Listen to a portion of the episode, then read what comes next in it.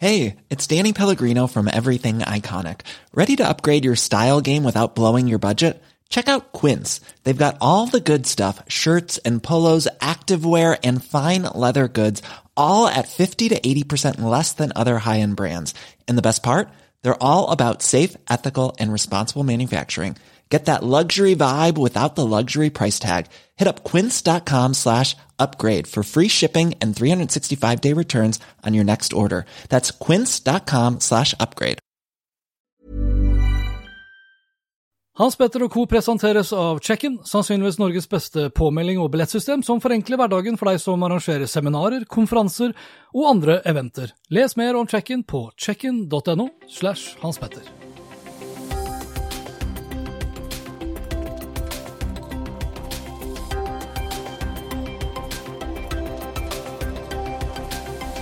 I denne episoden her så skal det bl.a. handle om at det er Norge først som gjelder når vi handler på nett. Facebook vurderer å kutte ut Audience Network på iPhone. Apple ser ut til å gjøre hva som helst for å tjene penger på AppStore. Og Amazon får nå endelig lov til å levere varer med droner. Velkommen til Hans Petter og co. Jeg heter Hans Petter, og denne episoden ble spilt inn onsdag 2.9. Lenker til alt jeg har snakket om, og øvrige innslag finner du som alltid på hanspetter.info. Vi starter med Apple, for uh, hvordan vil det nå gå med målretta annonser etter at Apple lanserer IOS 14? For med ny versjon av Apples operativsystem til iPhone og iPad, så vil Apple gi samtlige brukere, altså oss, en anledning til å gi et aktivt samtykke eller ikke til at apper vi bruker, apper vi installerer, kan innhente informasjon som kan brukes til å gi oss mer relevant reklame. Rett før sommeren så annonserte Apple at de vil da gjøre endringer i IDFA, som er en forkortelse for Identifier for Apps. For med dagens IDFA så har annonsører og selskaper fått innblikk i hvordan vi som brukere har reagert på en annonse, og det har de fått tilgang til uten at vi har samtykket til det. Det blir det altså da slutt på fra IOS 14, som vil dukke opp i løpet av høsten. Jeg sier i løpet av høsten, det var først snakk om september. Nå ser det ut til at vi må vente til oktober, og da vil også nye iPhones lanseres. Et ras for en hel bransje som lever av reklame i apper, og en gigantisk seier for personvernet, skrev Nettavisen da nyheten først ble kjent. Og det vil jo da være et spesielt stort ras for alle useriøse aktører, eller aktører som f.eks. Facebook, som da sliter med mildt sagt begrensa tillit fra oss brukere.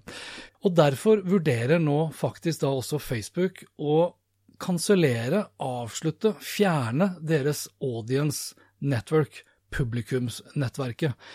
26.8 skriver Facebook i en bloggpost at tester de har utført basert på den nye IOS-utgaven, har redusert omsetningen fra Audience Network med mer enn 50% og at de nå advarer mediehus og publisister på å forberede seg på hva som kan vente dem etter at IOS 14 er sluppet. Facebook går faktisk da så langt at de, de, vurderer om det er noe vits i det hele tatt å tilby Audience Network på Apple-enheter etter IOS 14-lanseringen. For oss så vil det da fra og med IOS 14 dukke opp en liten dialogboks som vil spørre deg, når du installerer en app, om du vil la appen track you across apps and websites owned by other companies. Og da får du valget mellom å trykke på allow tracking eller ask app not to track. Og desto flere som klikker på Ask app not to track, desto mindre effekt vil annonsører få ut av sine målrettede og personaliserte annonser, og da via Facebook sitt audience network, eksempel. For hvor mange av oss vil tillate ukjente og useriøse aktører å tracke oss hvis vi får valget?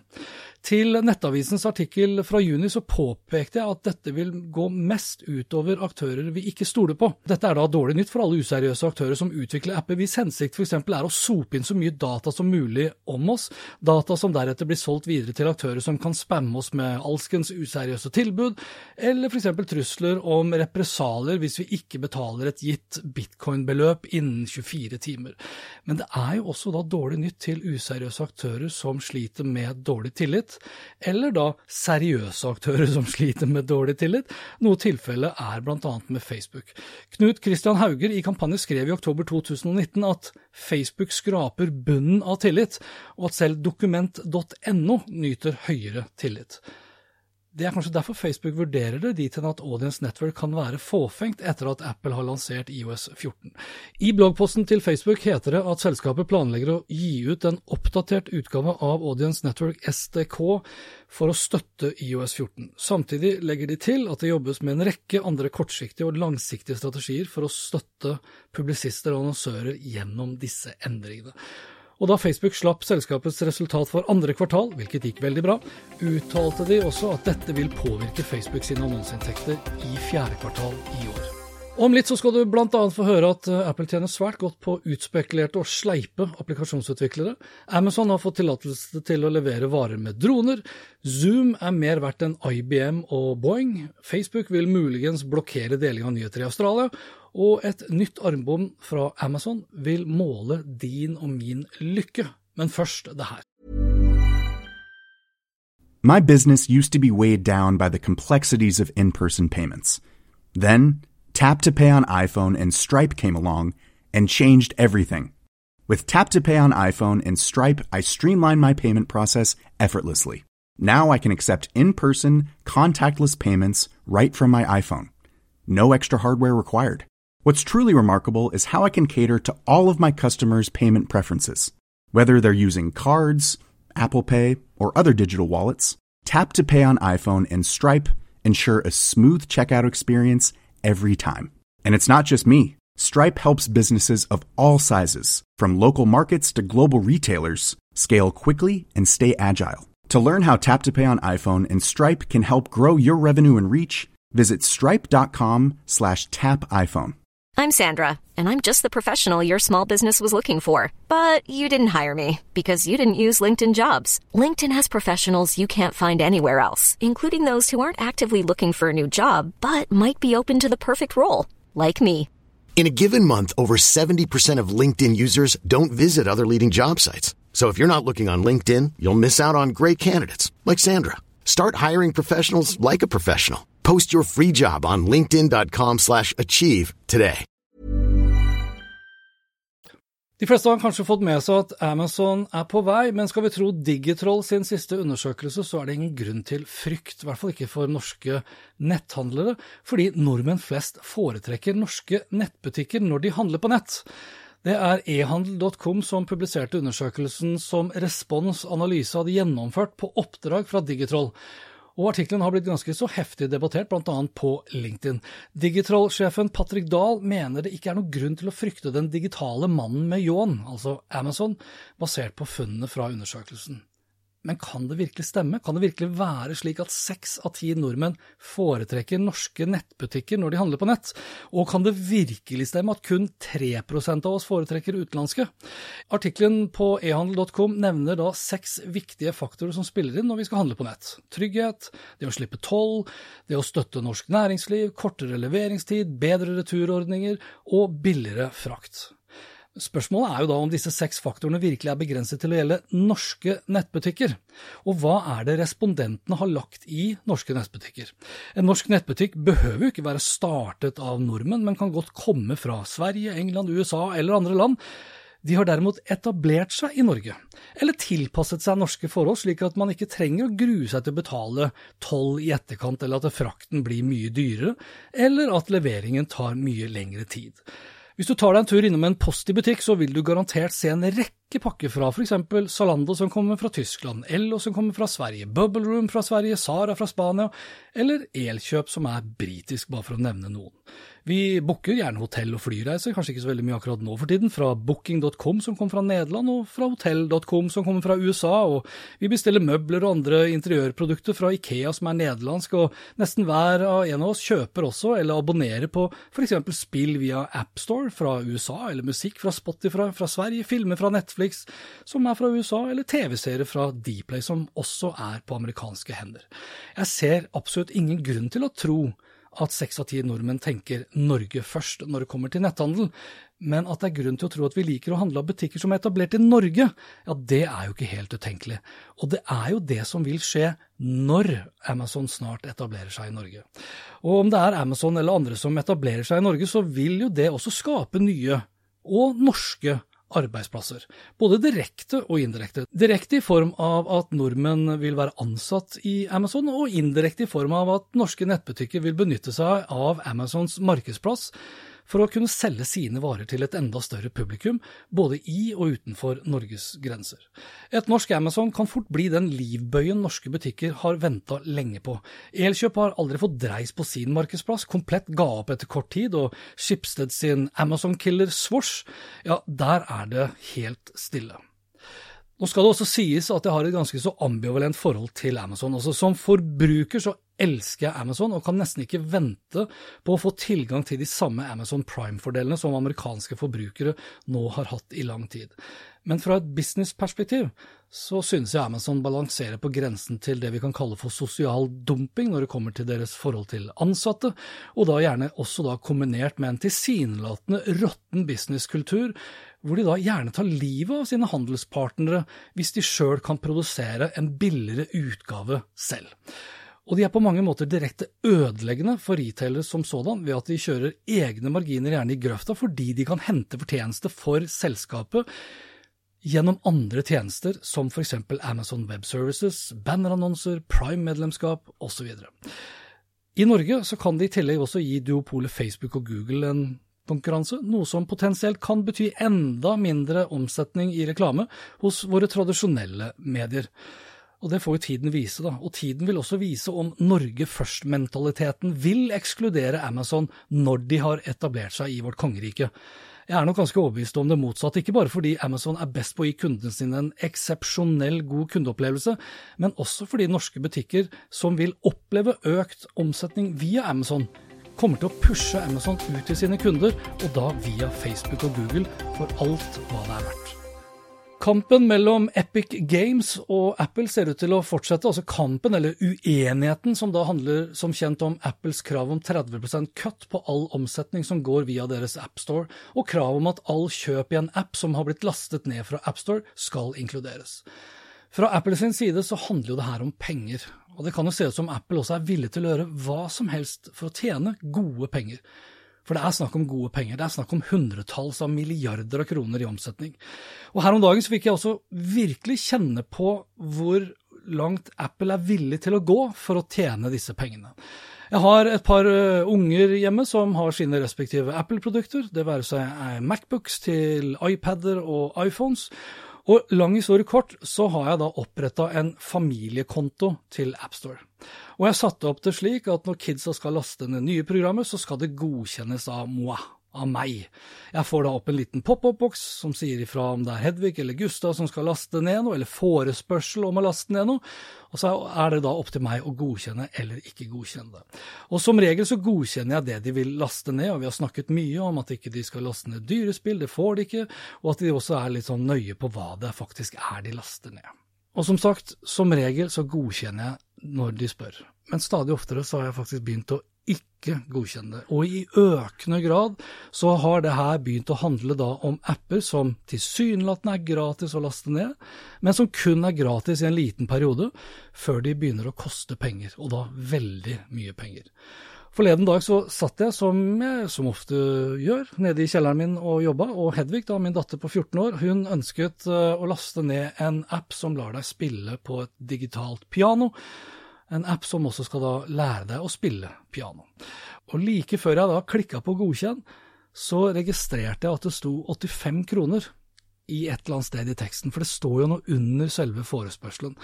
Så jeg stoppa opp, og jeg leste alt som da sto skrevet, og jeg siterer. Tillat Hedvig å abonnere på Piano Premium. Gratis prøveperiode på tre dager starter nå.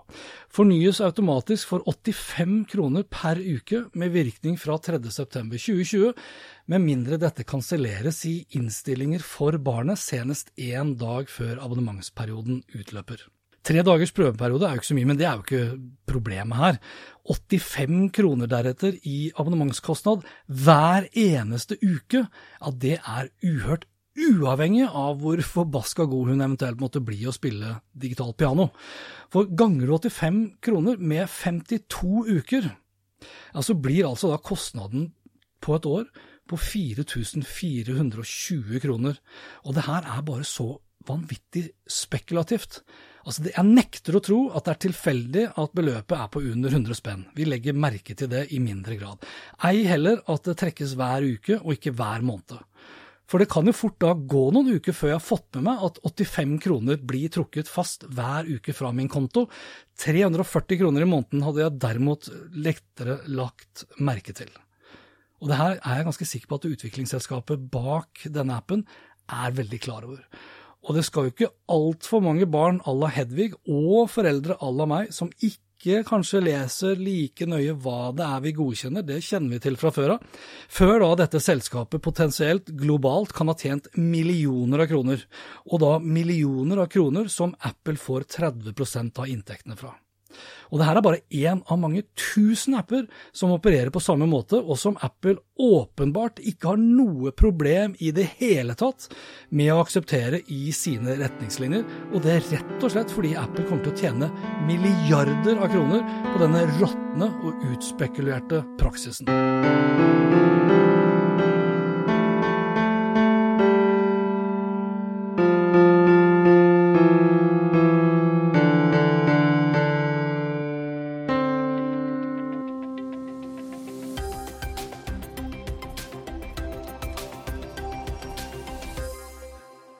Alltid så runder jeg av med noen eh, kortere saker. Google har nå utviklet et jordskjelvvarsel til Android-telefoner som rulles ut i disse dager.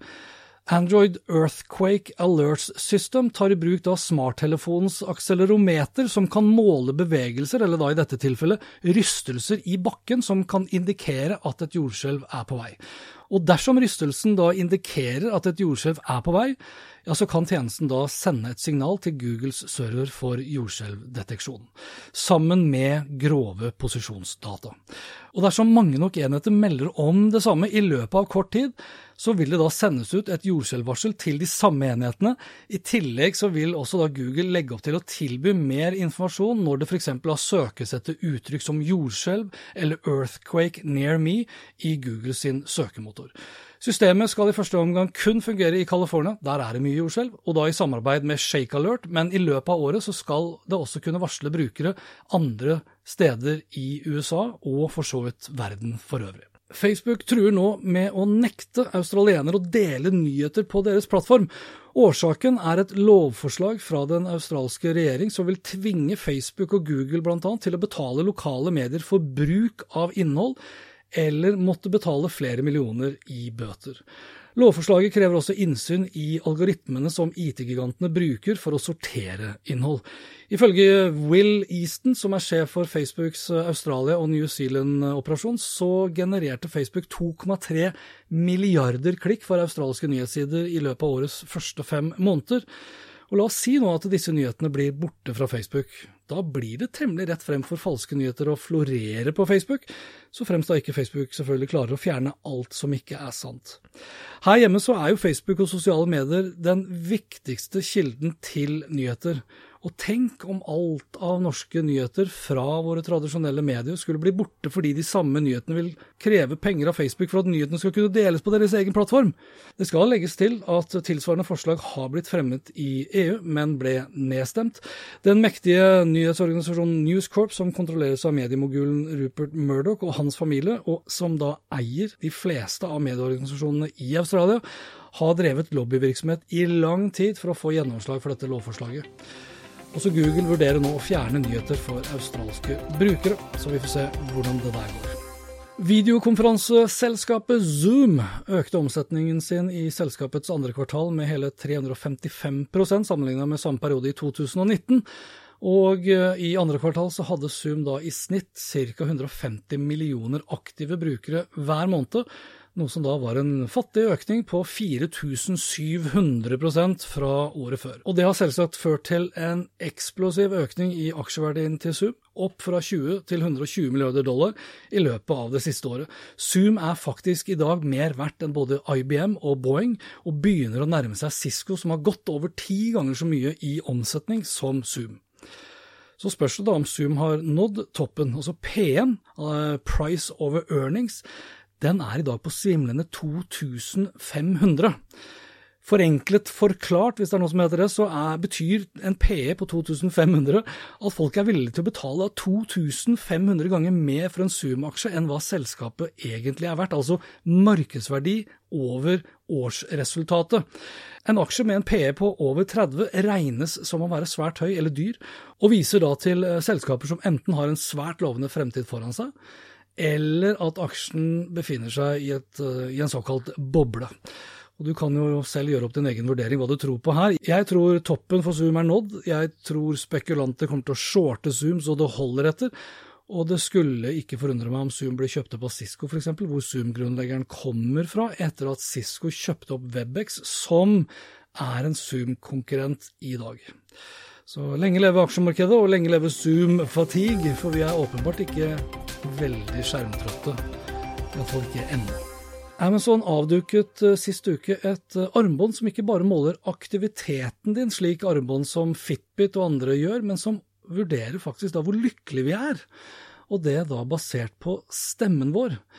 Amazon Halo, som armbåndet heter, kombinerer data samlet inn av de mange sensorene på armbåndet med kunstig intelligens for å gi oss da en tilbakemelding på vår fysiske og mentale helse. Samtidig så vil da en mikrofon på armbåndet analysere positiviteten og energien i stemmen vår, for så da å vurdere hvor glade, triste, trøtte eller oppspilte vi måtte være. Amazon opplyser for ordens skyld at mikrofonen også kan skrus av da med en knapp. Det er for øvrig da ingen klokke eller display på selve armbåndet. Alt blir overvåket og visualisert via en egen Halo-app på din smarttelefon. Amazon Halo koster 65 dollar og vil kreve et eget medlemskap, som er da gratis de første seks måneder etter at du har kjøpt armbåndet, og deretter vil det koste da fire dollar i måneden. Jeg beklager, du får nok ikke kjøpt det enda, kun enn så lenge tilgjengelig i USA. Eh, men det blir spennende å se da om eh, folk kommer til å løpe av huset for å skaffe seg der. Og jeg vet ikke hva du tenker, spennende eller skummelt? Ting tar gjerne litt lengre tid enn det man gjerne skulle ønske, eller kanskje tro, men nå har Amazon altså fått godkjennelse fra FAA, altså Federal Aviation Authorities, til å kunne levere pakker med drone. Altså Amazon har holdt på med dette prosjektet siden 2013, og i 2013 så spådde da Jeff Bezos, sjefen i Amazon, at eh, dronelevering av pakker ja, det ville bli hverdagen innen fem år. Nå har det altså da gått syv, og det vil nok fort ha gått ti år minst, tipper jeg, før prosjektet har blitt sånn sett kommersialisert, selv om nå godkjenningen er på plass. Sikkerhet er én ting, de skal da tross alt kunne fly ganske langt, over hus, over mennesker. Støy er jo en helt annen ting. Vi har har ganske mange av oss i begynt å irritere seg over all denne støyen droningen eh, bærer med seg. Det har jeg selv fått erfart. Og selve godkjenningen fra FFA handler mest av alt at Amazon får lov nå til å fly dronene sine utenfor synlig rekkevidde. Noe f.eks. jeg ikke får lov til. Eh, og Amazon er heller ikke først. Fra før av så hadde både Google og UPS fått tilsvarende godkjennelse. Så får vi se om eh, det er kommersialisert da, om tre år, altså da ti år etter at det ble publisert, altså i 2023. Siste gladnyhet, som egentlig ikke er en gladnyhet, det er jo som all annen teknologiinnovasjon, så er det jo de som bygger det positive med det, og så er det de som benytter anledningen til å bruke det til litt sånn mindre heldige, eller da kanskje kjipe formål. For nå har det altså da blitt avdekket eh, at meksikanske narkotikakartell har begynt å bruke DJI Mavic-droner til å utføre drap. Også dronene har da blitt utstyrt med C4-sprengstoff, er det The Drive som skriver.